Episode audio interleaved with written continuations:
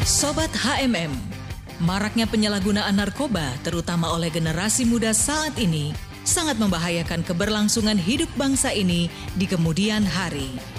HMM Radio sesaat lagi akan menghadirkan bincang GMDM, sebuah program hasil kerjasama radio HMM dengan Bakornas GMDM, Badan Koordinasi Nasional Gerakan Mencegah Daripada Mengobati. Selamat mengikuti.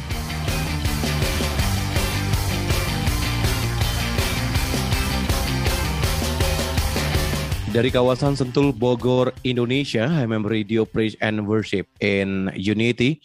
Shalom Sobat HMM di mana pun Anda berada, senang sekali Albert bisa hadir kembali dalam talkshow dengan GMDM, Garda Mencegah dan Mengobati.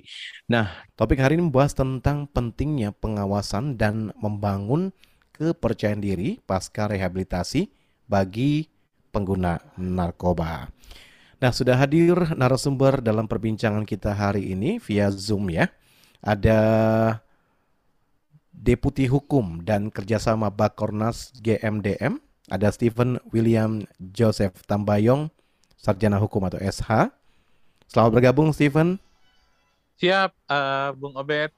Iya, terima kasih nih buat waktu dan kesempatannya. Bisa join kembali di tengah kesibukan Stephen ya.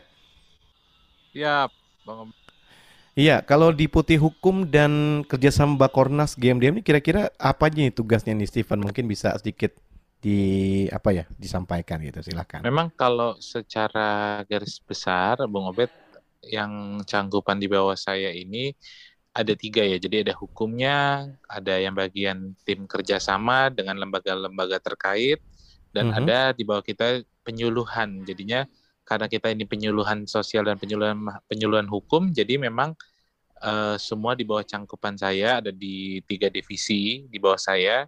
Mm-hmm. Nah ini memang artinya kita kan tahu narkoba ini juga berkaitan dengan hukum, jadinya memang uh, perlunya ada deputi hukum ini. Nanti kalau ada pihak-pihak yang kerjasama atau ada pembahasan-pembahasan secara hukum atau ada yang bersentuhan dengan hukum, Nah itu semua di bawah cangkupan Deputi Hukum dan Kerjasama Bang Obed. Bung Obed. Oh begitu. Hmm. Itu juga termasuk pendampingan kah Steven?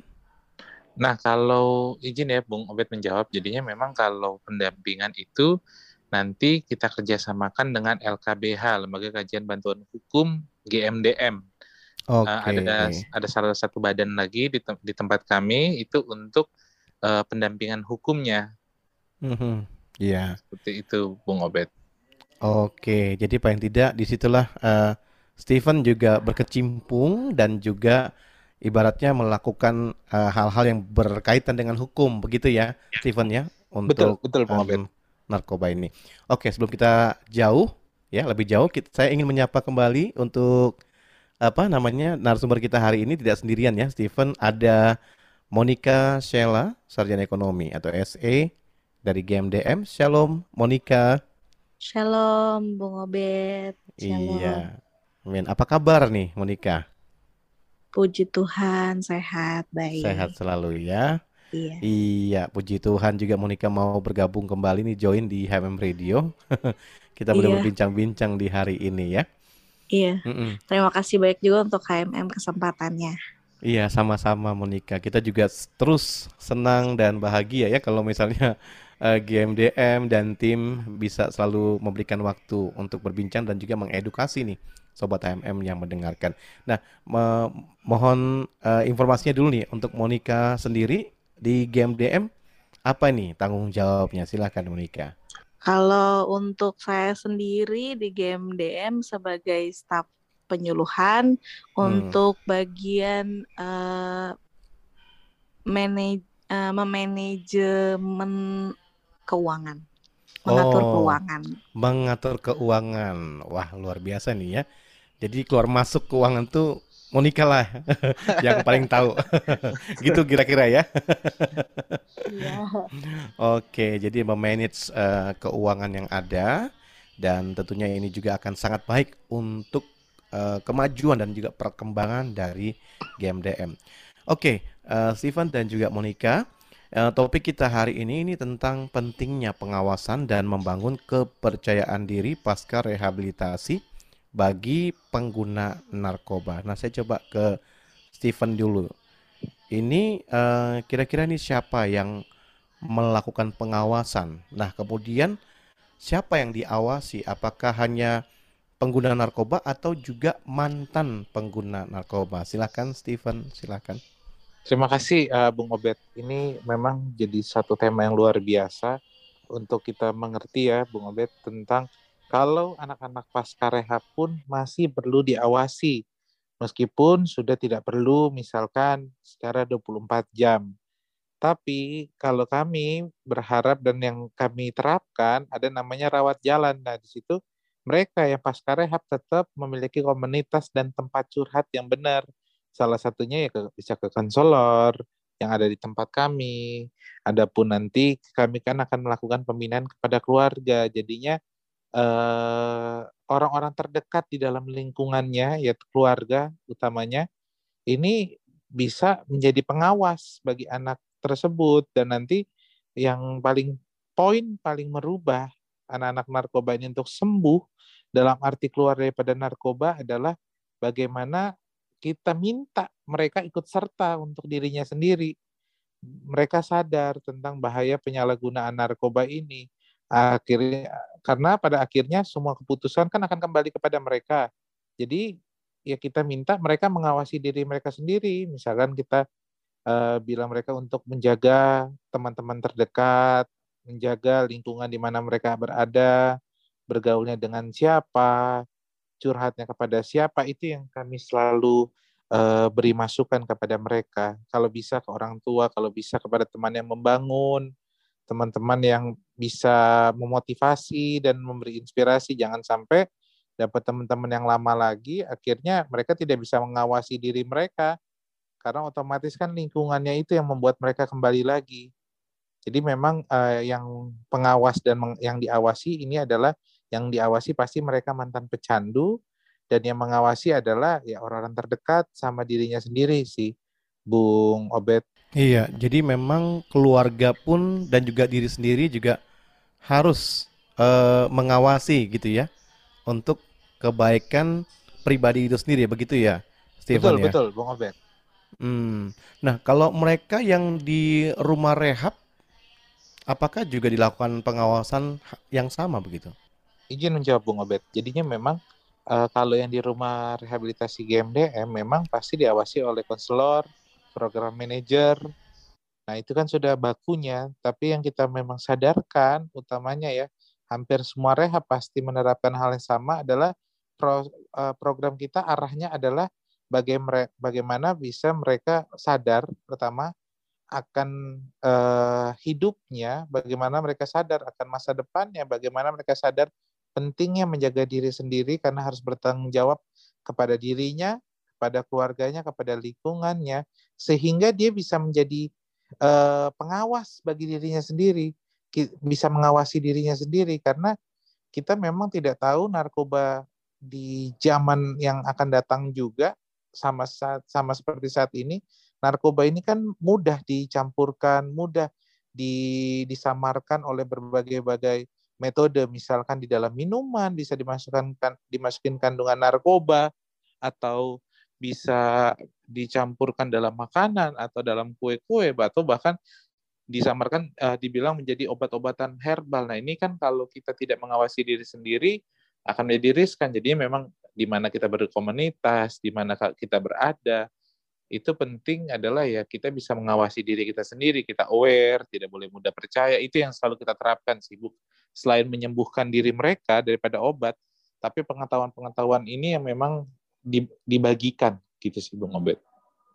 Oke, jadi mereka uh, diberikan pengetahuan untuk mampu bisa mengawasi dirinya sendiri tentang bahaya narkoba supaya tidak relap lagi begitu ya? Betul, betul, Steven, betul. Ya? Nah, untuk rawat jalan sendiri itu apakah mereka tetap diberikan waktu untuk memberikan laporan begitu ke GMDM dan kira-kira itu berapa lama? Karena itu kan juga berarti masuk dalam pengawasan. Program, iya dalam ya, program kan? Bener ya? pengawasan ya? kami ya. Nah, betul. Ya, itu berapa lama tuh kira-kira? Biasa kalau kami terapkan tiga bulan rawat inap, tiga bulan rawat jalan. Itu yang biasa kami terapkan. Dan itu yang diatur oleh negara saat ini. Karena kan setiap tahunnya bisa berubah-berubah. tentang pengawasan uh, tentang konsep rehabilitasi yang di, di dibakukan dibakukan oleh negara yang diterapkan di kementerian-kementerian saat ini tiga bulan rawat inap, tiga bulan rawat jalan. Jadi yang saat ini kami lakukan seperti itu. Jadi mereka ada program tiga bulan, misalkan seminggu sekali, seminggu dua kali untuk balik lagi ke kantor kami atau enggak nextnya ini memang masih next ke depan kalau eh, memang nanti kami kan mau gerak galakin lagi kalau masyarakat bisa ikut turut serta dalam arti membantu nih bukan hanya anak-anak rehab tapi membantu program GMDM yang kami akan lakukan penyuluhan lagi nih ke sekolah-sekolah on the street dan lain-lain untuk kami melengkapi alat-alat kami karena kami ingin uh, rehabilitasi bukan menjadi tempat menakutkan bahkan bisa dilakukan melalui uh, daring eh, uh, melalui online. Jadi kita bisa zoom kita bisa secara virtual. Jadi rehabilitasi tidak berbasis lagi pada tempat tapi yang kami ingin terapkan ya ini bisa berbasis teknologi di, di, dibantulah sama teknologi karena kan yang kami lihat banyak sekali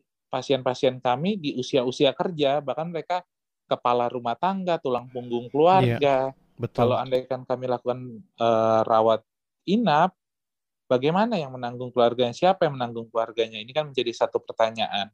Seperti hmm. itu sih, uh, iya. Oh, jadi walaupun dia itu uh, pengguna atau mantan pengguna gitu, tetap juga ya tidak diberlakukan, tinggal dipilih gitu ya, maksudnya untuk rawat inapkah atau rawat jalan gitu? Betul, biasanya Gimana? dipilih berbasis dari hmm. tahap uh, kita lihat pemakaiannya sudah sejauh apa, apakah coba-coba apakah situasional atau atau apakah ini sudah adiksi. Memang kalau hmm. adiksi hmm. kami pasti menerapkan rawat inap karena kerusakan yang disebabkan oleh narkoba sudah begitu jauh di dalam yeah. dirinya bahkan tingkat kesadarannya dia, tingkat relapse-nya, tingkat uh, dalam arti keinginan ya untuk menggunakan narkobanya sudah tinggi jadi tidak bisa dilakukan melalui jarak jauh atau secara online atau hanya hmm. seminggu hmm. sekali tapi kalau yeah. istilahnya dia masih pertama kali coba, istilahnya uh, baru satu dua kali mencoba atau dia masih situasional, ini sebenarnya sebenarnya bisa hmm. diterapkan rawat jalan. Oh, tapi tetap begitu. sesuai prosedur yang ada. Misalkan yeah. kalau memang permintaan keluarga, karena rupanya dia bilang coba-coba, tapi pemakaiannya dia sudah lumayan lama, iya stop satu tahun tapi pakai lagi. Dan nah itu kan berarti udah situasional dan rupanya yeah. dosisnya sudah tinggi, tetap harus rawat inap. Hmm.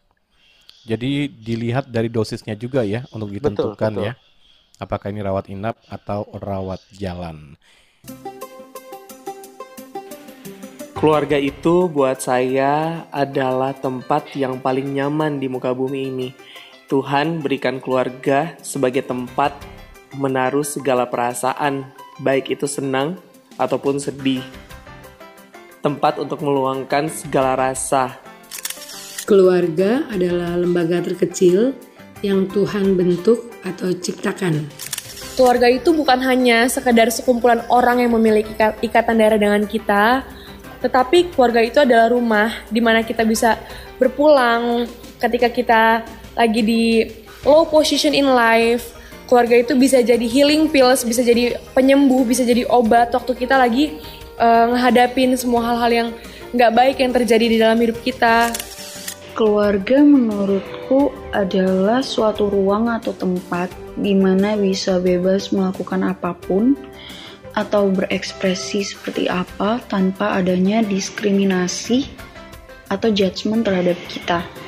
Dan bisa jadi pilihan sandaran ketika berada di titik terlemah kita dari hiruk pikuk dunia luar gitu. Dengan cukup berada di tengah mereka itu udah berikan ketenangan dan kenyamanan. HMM Radio Praise and Worship in Unity Sobat HMM terima kasih untuk Anda yang terus setia bersama kami Dan kita masih dalam perbincangan dengan GMDM Garda Mencegah dan mengobati ada narasumber kami Stephen Tambayong dan juga Monica Sheila. Baik, Sobat HMM, tadi kita sudah berbicara mengenai siapa yang melakukan pengawasan, kemudian sempat dijelaskan juga bagaimana pengawasan itu dilakukan. Nah, kebetulan juga bersama kami narasumber kita ini ada tim penyuluh ya dari GMDM ada Monica. Tadi saya sempat bertanya nih buat Monica apakah saat melakukan penyuluhan ada juga nih disinggung mengenai informasi bahwa mantan pengguna itu ya juga harus mengawasi dirinya sendiri selain keluarga, selain mungkin teman-teman ataupun uh, komunitas yang mengawasi, tapi dia juga harus mengawasi dirinya sendiri untuk tidak relap lagi. Nah, silakan Monica, mungkin bisa dijelaskan ini. Oke, siap. Jadi uh, untuk penyuluhan di game sen game DM sendiri pastinya uh, kita tidak hanya memberitahukan juga kepada uh, keluarga ataupun uh, saudara-saudara, rekan-rekan dari pengguna, uh, mantan pengguna narkoba ini untuk kita uh, edukasi gitu harus uh, diawasin lagi, tapi juga dari uh, mantan pengguna narkoba ini sendiri juga uh, kita edukasi supaya uh, dia juga bisa mengawasi dirinya sendiri, artinya uh, dia bisa menjauh dari uh, lingkungan lamanya yang uh, membuat dia um, menjadi pengguna narkoba seperti itu. Iya, jadi memang tetap uh, dalam penyuluhan itu diberikan lah ya edukasi ya Monika ya iya, untuk ya, mereka uh, uh, baik uh, mantan pengguna ataupun juga anak-anak muda yang memang perlu mengetahui karena memang narkoba ini sangat mengancam kehidupan generasi muda hari-hari ini. Nah, kalau melakukan penyuluhan gitu Monika, apakah memang sudah ada materi ataupun modul yang memang disiapkan untuk disampaikan supaya para peserta itu dapat mengikuti dengan baik? Bagaimana itu Monika? Silahkan.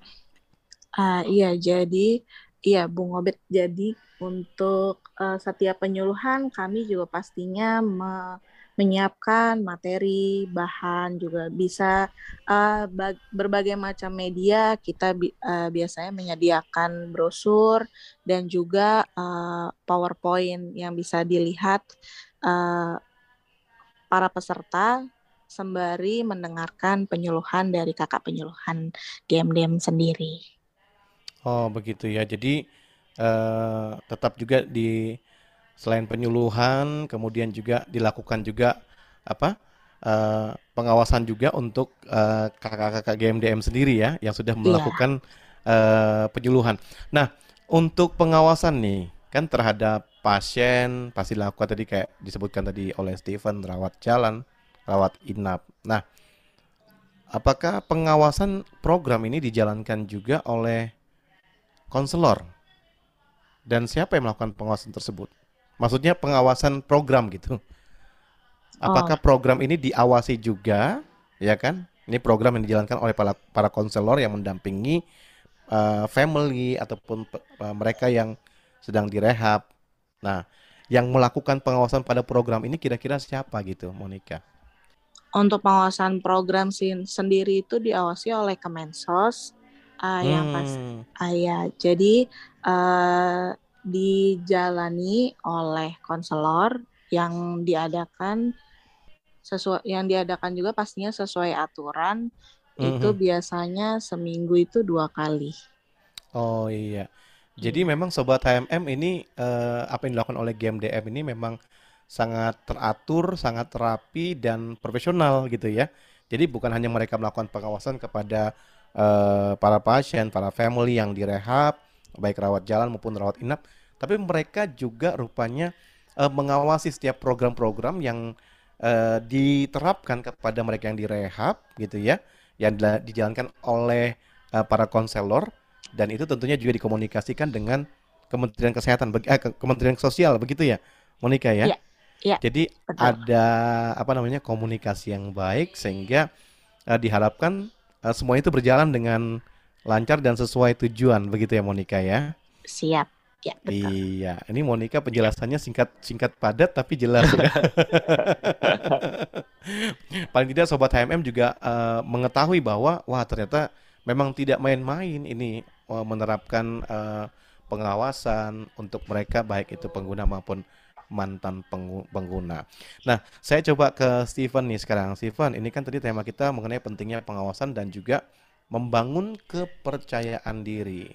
Nah, saya yang saya ingin tanyakan, kenapa sih kepercayaan diri ini harus dibangun? Apakah uh, mereka yang uh, pengguna narkoba ataupun juga mantan pengguna narkoba, apakah kepercayaan diri mereka itu benar-benar hilang? Bukankah saat mereka make narkoba itu pengen percaya diri?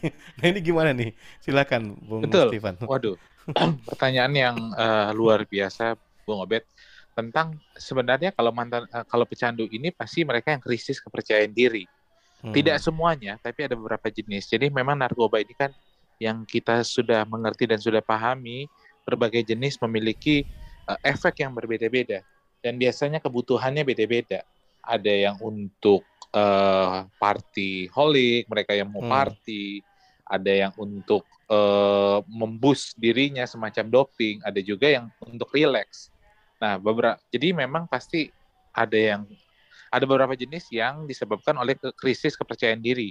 Bahkan hmm. kalau yang kita mengerti juga, ketika di tempat rehabilitasi biasanya mereka sudah balik nih kepercayaan dirinya mereka. Yeah. Tapi ketika mereka keluar ke masyarakat menerima kenyataan stigma yang terbangun, uh, pemikiran yang ada di masyarakat di keluarga orang-orang terdekat masih sama.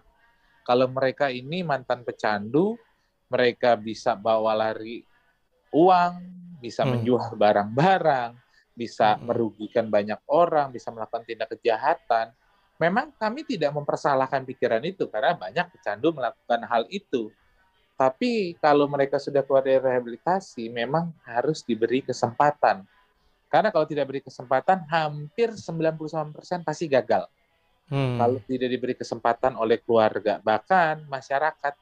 Ini semacam curhat uh, kami garda uh, garda mencegah dan mengobati ketika kami berjalan, maksudnya ketika kami jalani proposal atau jalani bantuan untuk rumah rehabilitasi atau kegiatan narkoba ini jarang nih yang memberikan waktunya ingin mendengar memberikan hmm. dananya untuk kata-kata pecandu narkoba atau ex pengguna atau hmm. untuk kegiatan narkoba. Jadi memang sebenarnya narkoba ini isu yang mengerikan tapi tidak terlalu dipandang mengerikan oleh masyarakat hmm, sampai yeah. kalau anaknya atau keluarganya kena ketangkep polisi karena narkoba atau mati karena narkoba baru mereka aware jarang orang-orang yang bel, yang keluarga tidak kena untuk peduli itu sangat jarang. Jadi memang ketika kami ada di lapangan, ketika angkat isu tentang mantan pecandu, isu tentang penyuluhan, memang penerimaannya sangat jarang. Jadinya termasuk AMM ini luar biasa, memberikan waktunya, memberikan tempat, memberikan uh, kita kesempatan untuk bisa berbagi ini satu hal yang luar biasa kepedulian kepedulian di aspek masyarakat yang seperti ini yang kami butuhkan. Ini wow. yang kami perlukan gitu. Iya. Tentunya kita juga terima kasih buat tim GMDM, Stephen dan Monica juga mau sama-sama nih saat ini kan. Karena tadi saya tertarik tuh kata-kata Stephen tentang narkoba ini mengerikan, tetapi masyarakat tidak menganggap itu satu yang mengerikan gitu betul, ya. Betul. Nah, Nah, saya coba ke Monica dulu nih. Monica kan penyuluhan nih. Monica, apakah saat dilakukan penyuluhan itu uh, kurang menakutkan atau gimana ini informasinya? Kurang tajamkah sampai sesuatu yang mengerikan ini justru dipandang tidak mengerikan nih? Silakan Monica. Oh ya. Uh, untuk informasi yang diberikan uh, bagi penyuluh uh, bukannya kurang menakutkan sehingga tidak hmm. menakutkan bagi para uh, peserta penyuluhan gitu, tetapi adalah balik lagi narkoba sendiri itu kan uh, bisa datangnya dari mana aja ya, jadi bisa dari uh, lingkungan uh, pertemanannya uh, dia ataupun bisa juga dari uh, dia mungkin uh, ditawarkan uh, kebanyakan sih memang uh, pastinya itu dari temen biasanya gitu. Kalau untuk yang usia-usia sekolah tapi kalau untuk yang uh, usia-usia dewasa dan segala macam karena karena lingkungan gitu jadi kalau yang dewasa dewasa ini kan biasanya sudah bekerja makanya dia punya uang lebih jadi uh, mereka jadi kesempatannya uh, banyak nih untuk uh, untuk jadi memilih narkoba gitu. Jadi uh, untuk men, kan, bukan penyuluhannya yang kurang menakutkan, tapi memang kenapa GMDM juga uh, selalu bilang untuk kita semua tuh harus bergerak untuk pencegahan narkoba karena ya memang harus dimulai dari lingkungan terdekatnya gitu. Jadi jangan cuma kita aja nih para penyuluh ataupun dari uh, lembaga or organisasi seperti kami GMDM, tapi juga uh, keluarga, teman, kerabat juga harusnya ikut membantu untuk uh, memberikan uh, setidaknya uh, memberikan larangan gitu untuk uh, eh kit, pengetahuan mengenai narkoba gitu. Iya iya. Dan saya yakin dong pastinya pada saat Monica memberikan penyuluhan di dalam materi itu baik secara slide maupun video pasti menampilkan dong gambar-gambar yang serem gitu ya Monica ya. Iya pasti. pasti ya. Nah iya. itu masih aja orang masih aja ada yang menganggap itu mengerikan tetapi seakan-akan tidak mengerikan seperti tadi uh, Stephen sampaikan. Jadi memang menarik nih sobat HMM. Jadi ayo kita sama-sama seperti Monica tadi sampaikan, kita juga harus mengedukasi orang-orang sekitar kita, keluarga kita tentang bahaya narkoba. Sebentar kita akan membahas mengenai apakah lemahnya pengawasan dan kurang percaya diri bisa membuat mantan pengguna bisa relapse kembali. Menurut saya, yang pertama adalah kita harus menerima mereka seperti Tuhan Yesus menerima kita apa adanya.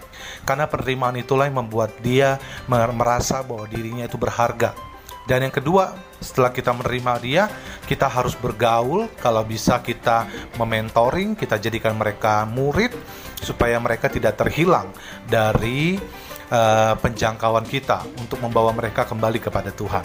Dan yang paling terakhir adalah jangan pernah menghakimi mereka, tapi terus arahkan mereka. Kalau bisa kita mendorong mereka untuk mengembangkan potensi mereka yang mereka miliki yang harus dilakukan untuk menyelamatkan generasi adalah mulai dari lingkungan keluarga, peran orang tua, didikan, arahan, serta nilai-nilai yang harus ditanamkan sejak kecil itu harus benar-benar menjadi hal yang penting untuk menyelamatkan generasi berikutnya supaya setelah mereka besar generasi muda adalah generasi yang bersemangat generasi kreatif bisa menyalurkan hal-hal yang positif untuk uh, lingkungannya. Yang ketiga adalah pergaulan. Pergaulan itu penting karena pergaulan yang buruk merusak kebiasaan yang baik. Jadi untuk menyelamatkan generasi ini sangat diperhatikan untuk dengan siapa kita bergaul, apa yang kita lakukan.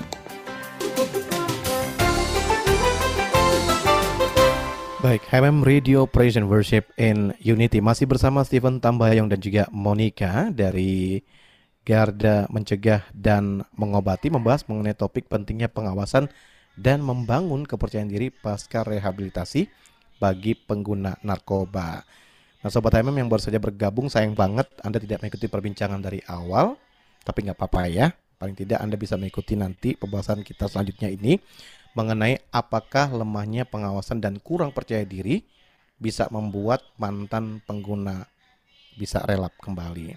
Nah, saya coba ke Stephen nih, silahkan Stephen. Hmm, jadinya uh, kembali kepada saya ini sebenarnya saya ingin menjawabnya sedih tentang kurangnya pengawasan uh, kalau dibilang mantan-mantan pecandu narkoba. Karena nyatanya banyak sekali pecandu, kalau dari kesaksian demi kesaksian kita dengar, fakta juga yang kami lihat, banyak sekali mantan-mantan pecandu, pecandu yang kembali menggunakan narkoba. Artinya pengawasan itu memang nomor satu. Mereka mengawasi diri mereka sendiri, mereka bisa uh, apa memperhatikan lingkungan, yang memperhatikan apa yang mereka apa yang mereka makan, apa yang mereka minum atau enggak komunitas yang mereka miliki. Tapi memang pengawasan ini sekali lagi yang kami inginkan, yang kami harapkan adalah semua aspek di masyarakat menjadi pengawas diri sendiri, keluarga, lingkungan, dan ya semua uh, misalkan tempat-tempat ibadah juga bisa menjadi pengawas atau istilahnya ya pemerintahan memang kan yang kita harapkan menjadi garda terdepan, terdepan karena kan uh, mereka yang, yang memiliki dana, mereka yang memiliki kekuatan untuk menjadi pengawas. Tapi kan tidak 24 jam, misalnya di dalam iya. rumah, yeah. Di lingkungan dunia pendidikan, di sekolah. Ini kan kembali lagi guru, orang tua, bahkan tokoh agama ini yang menjadi peranan penting jadi pengawas. Memang diri sendiri itu yang kami harapkan. Nomor satunya adalah diri sendiri yang kami harapkan menjadi pengawas. Tapi memang per orang kalau ini kita bicara usia muda, kembali lagi orang tua, guru, dan pastinya tokoh agama. Nah ini menjadi penting bagi bagi mereka. Alias uh, dan ini juga bukan hanya orang tua secara uh, keturunan, tapi misalkan orang tua bicara yang lebih tua di rumah, misalnya kakak, atau om atau tante ini bisa kita menjadi, bisa menjadi pengawas bagi keluarga kita seperti itu sih Bung Obed.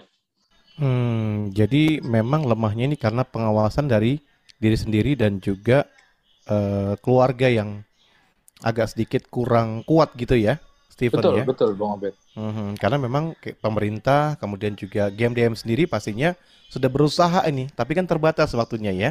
Betul, betul. Yang, eh, yang ada setiap hari ya keluarga dan juga diri dari mantan itu sendiri harusnya mereka juga uh, melakukan pengawasan. Nah, saya coba ke Monica nih sekarang. Monica, untuk uh, penyuluhan sendiri, kira-kira ini materi seperti apa ini yang dibawakan supaya menyadarkan, mungkin saja pada saat yang hadir itu ada peserta yang baru coba-coba nih misalnya untuk menggunakan narkoba tanpa kita ketahui kan biasanya kan juga ada itu ya yang menyusup seperti itu. Atau justru mantan pengguna juga ikut dalam penyuluhan itu. Nah materi seperti apa ini yang bisa diberikan sehingga mereka itu uh, dapat melakukan pengawasan kemudian mereka juga bisa apa ya memiliki satu edukasi yang membangun rasa percaya diri mereka sendiri khususnya anak-anak muda supaya mereka benar-benar tidak terlibat lagi dengan yang namanya narkoba. Kalau yang belum ya pastinya tidak terlibat. Dan yang sudah mungkin akhirnya mereka berani katakan bahwa tidak mau terlibat lagi. Silahkan nih Monica. Ya, uh, jadi uh, dalam kegiatan penyuluhan itu sendiri kita uh, pakai berbagai macam uh, cara penyampaian. Kita uh, biasanya itu uh, kita menyampaikan uh, berbagai jenis macam narkoba. Jadi ketika mereka diperhadapkan langsung uh, narkoba itu bisa uh, menjadi bentuk apa saja. Jadi mereka uh, bisa langsung curiga gitu. Minimal mereka curiga uh, jadi tidak langsung dikasih teman permen jadi langsung makan seperti itu. Nah, itu kita uh, kita edukasi tentang yeah. Iya. uh, berbagai macam jenis narkoba yang beredar itu juga kita sampaikan lalu juga untuk uh, bahaya penggunaannya juga maksudnya setelah after menggunakan itu kan pasti ada efek sampingnya juga kita sudah juga memaparkan bagai apa yeah. saja efek samping dari narkoba tersebut biasanya kita di, uh, menggunakan itu foto-foto dari mantan-mantan pengguna narkoba seperti itu. Hmm. Jadi um, mukanya terlihat uh, lebih tua tapi tuanya uh, seperti kisut gitu ya. Jadi hmm. sakit hmm. gitu. Iya. Yeah. Nah, itu untuk mantan pen, pecandu narkoba seperti hmm. itu. Dan juga biasanya juga kita uh, mengajak juga kesaksian uh, bagi para mantan pecandu narkoba. Biasanya kita ajak juga, kita ajak ngobrol. Jadi para peserta juga bisa menanyakan langsung kepada uh, mantan pecandu narkoba. Jadi mantan pecandu narkoba-nya itu sendiri juga bisa um, membagikan edukasi juga bagi para peserta penyuluhan seperti itu. Oh iya, jadi memang hadir sebagai narasumber ya. Iya. Bisa memberikan edukasi bahwa dia mantan, kemudian sudah sudah tobat lah ya. Iya dia, pasti. Dia, uh, iya. Nah, mm, maaf Nino, uh, agak melenceng sedikit sebenarnya Monica, tapi mantan narkoba biasanya kalau dia sudah tidak memakai narkoba lagi kan biasanya kalau pakai narkoba dia kisut tadi katanya kan, kisut, kurus, mungkin ker, apa kurang seger gitu. Nah kalau iya. dia sudah melepas itu tidak pakai lagi, gimana perubahannya Monica? Apakah lebih seger, bisa gemuk gitu atau bagaimana nih? Oke, untuk uh, pemulihannya sendiri bagi mantan pecandu narkoba itu uh, biasanya itu bertahap. Pastinya uh, akan uh, mengalami perubahan. Jadi yang tadinya itu jadi uh, kurus gitu kan, uh, secara bertahap pasti akan um, berubah menjadi yang lebih baik seperti itu. Misalkan bisa jadi uh, gemukan. Biasanya sih uh, mantan pecandu narkoba tuh yang sudah sembuh tuh biasanya jadi uh, sehat, lebih gemuk gitu dan juga hmm. wajahnya juga jadi uh, segeran lah gitu. Seger ya. Berseri-seri gitu. Ya. Iya. Karena sudah tidak menggunakan lagi gitu ya. Iya. Ibaratnya sudah pulih begitu. Betul. Iya. Nah bersyukur nih kalau Sobat HMM pernah mengikuti penyuluhan baik yang dilakukan oleh GMDM ataupun juga uh, tim rehabilitasi yang lain. Paling tidak bisa mengetahui apa saja jenis-jenis narkoba ya kan ataupun jenis-jenis obat-obatan yang dilarang penggunaannya yang ya. sangat berbahaya begitu ya Monica ya. Betul. Dan saya belum uh, saya kadang-kadang pernah mengikuti nih tapi uh, suka lupa juga obat-obatannya gitu Monica. Kalau datang ke game-game kan biasanya suka lihat tuh kita oh ini ini ini obat-obatannya. Tapi kadang-kadang habis pulang gitu lupa. Tapi ya sudahlah. Saya paling tidak punya prinsip gini Monica. Kalau orang nggak kenal ngasih kita sesuatu ah gak mau terima ah kira-kira begitu bener nggak sih nah itu uh, betul sekali makanya hmm. uh, tadi yang saya tadi bilang jadi uh, ketika dikasih sesuatu sama hmm. orang hmm. itu jadi mulai-mulai curiga nih kalau misalkan um, bentuknya agak-agak aneh sedikit mm-hmm. seperti itu. Jadi ini orang tiba-tiba kok tiba-tiba mau kasih ada apa nih gitu. Jadi udah warning sendiri. Jadi itu warning sendiri termasuk juga kita menjaga diri dan juga mengawasi diri sendiri ya begitu ya Monica iya, ya. Iya, betul. Oke, nah sekarang saya coba ke Steven nih. Steven, kegagalan apa sih yang sering dihadapi mantan pengguna pasca rehabilitasi? Silakan. Kegagalannya pasti Bang izin jawab ya sorry. Uh, jadi memang utamanya yang kegagalan paling sering mereka rasakan adalah penerimaan. Penerimaan ini kan sangat penting. Hmm. Kesempatan. Mereka merasa udah hidup gue udah gagal.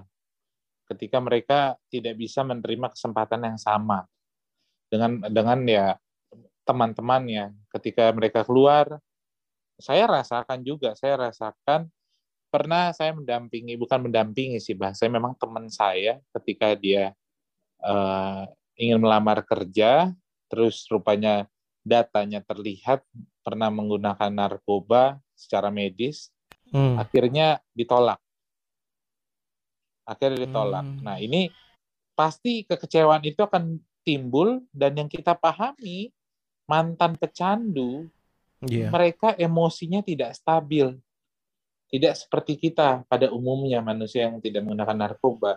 Mereka iya. terlalu senang bisa gunakan narkoba, terlalu sedih bisa gunakan narkoba. Hmm, Jadinya mereka iya. ini ya ini yang pasti yang yang belum terlalu kuat ya.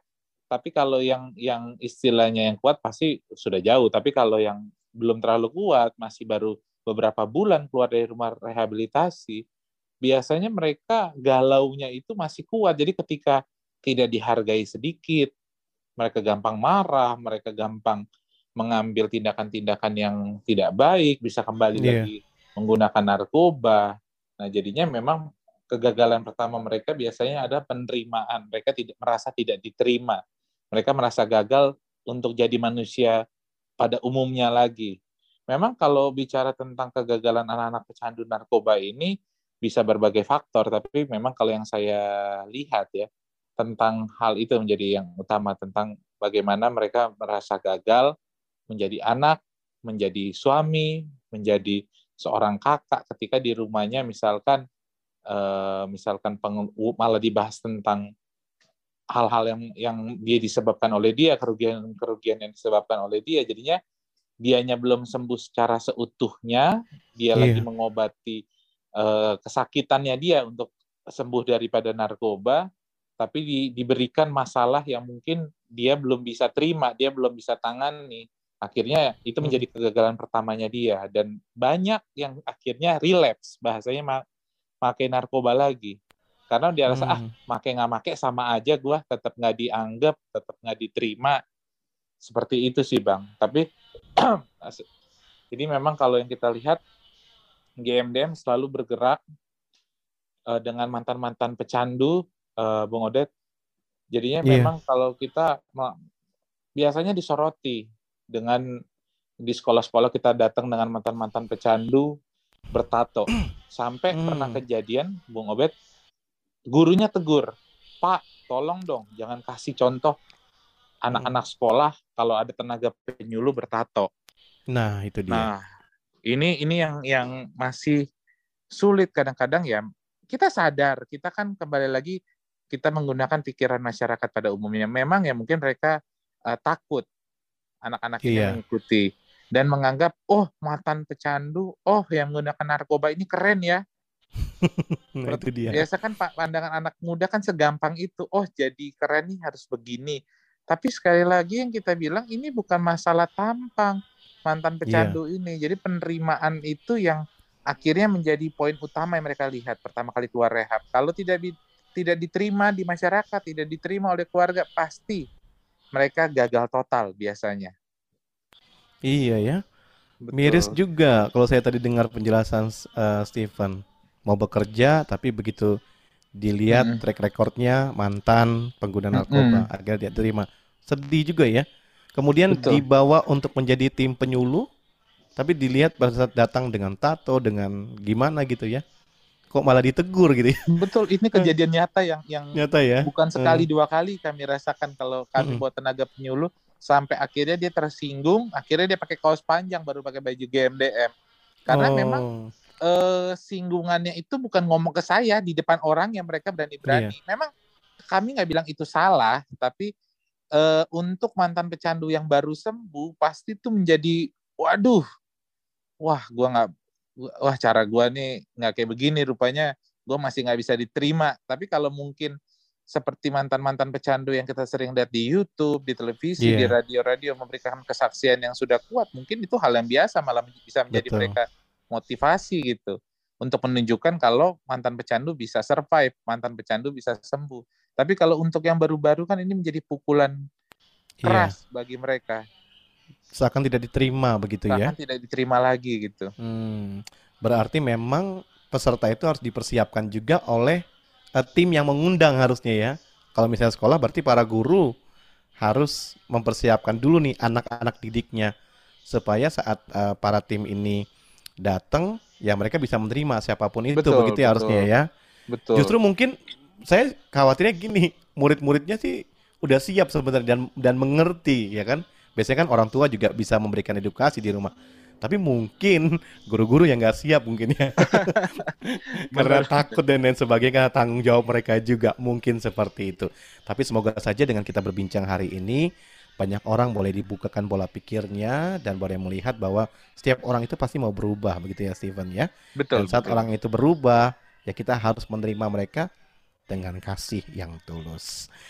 Ya, kita sudah di penghujung uh, talk show kita hari ini. Steven mungkin bisa kasih statement singkat nih tentang topik kita mengenai uh, pengawasan dan juga membangun kepercayaan diri pasca rehabilitasi bagi pengguna narkoba. Silahkan peranan diri sendiri, keluarga dan lingkungan menjadi utama sebagai pengawas anak-anak uh, yang pernah menggunakan narkoba untuk bisa keluar daripada narkoba. Kalau dimulai bisa dimulai dari diri sendiri, kesuksesan itu akan mengikuti menurut saya.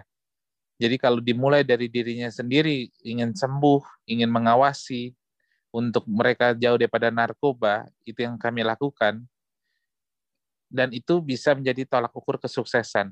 Kalau bisa kita menyadarkan anak-anak ini untuk bisa jadi pengawas bagi dirinya sendiri, keluarganya bisa jadi pengawas, lingkungan sekitarnya menjadi pengawas. Menurut saya itu bisa menjadi kunci anak-anak ini bisa jauh daripada narkoba dan bisa hidup sehat tanpa narkoba. Iya, hidup sehat tanpa narkoba dan Steven sampaikan yaitu pengawasan dari diri sendiri, pengawasan dari keluarga dan juga komunitas. Ya, dan kita akan tutup dengan doa. Saya mungkin bisa minta Monik untuk doa buat uh, eh, GMDM, buat HMM Radio, khususnya juga buat sobat HMM yang saat ini mendengarkan. Silahkan, Monika. Mari kita bersatu dalam doa. Tuhan Yesus, kami ucap syukur atas segala kebaikan-Mu, berkat kasih anugerah karunia-Mu dalam kehidupan kami Tuhan. Terima kasih banyak Tuhan atas kesempatan yang sudah diberikan oleh HMM Radio terhadap GMDM Tuhan. Berkati HMM Radio dan juga berkati GMDM Tuhan agar HMM Radio dan juga GMDM terus uh, maju bersama untuk dalam uh, pencegahan penyalahgunaan narkoba Tuhan. Tuhan Yesus memberkati uh, HMM Radio dan juga GMDM, uh, segala peserta, semua peserta yang mendengarkan juga Tuhan. Tuhan Yesus memberkati dalam nama Tuhan Yesus. Haleluya. Amin. Baik, terima kasih Stephen Tambayong dan juga Monica untuk waktu dan kesempatannya sudah berbincang di HMM Radio memberikan edukasi buat sobat HMM pastinya akan sangat berguna ya buat sobat HMM dan juga buat saya juga ini sebagai hostnya. Banyak pengetahuan juga nih yang bisa saya teruskan juga bagi anak-anak muda pastinya. Iya, baik. Anda telah mengikuti perbincangan dengan GMDM, Garda Mencegah dan Mengobati dengan topik pentingnya pengawasan dan membangun kepercayaan diri pasca rehabilitasi bagi pengguna narkoba. Informasi tentang GMDM dapat menghubungi di 021866 15552. 021866155552. Nantikan perbincangan kami selanjutnya bersama GMDM dengan topik menarik seputar penyalahgunaan dan pemberantasan terhadap narkoba untuk menciptakan Indonesia bersinar bersih dari narkoba. Sobat HMM, Anda baru saja mengikuti Bincang GMDM, sebuah program hasil kerjasama Radio HMM dengan Bakornas GMDM, Badan Koordinasi Nasional Gerakan Mencegah Daripada Mengobati Terima kasih atas kebersamaan Anda. Sampai jumpa.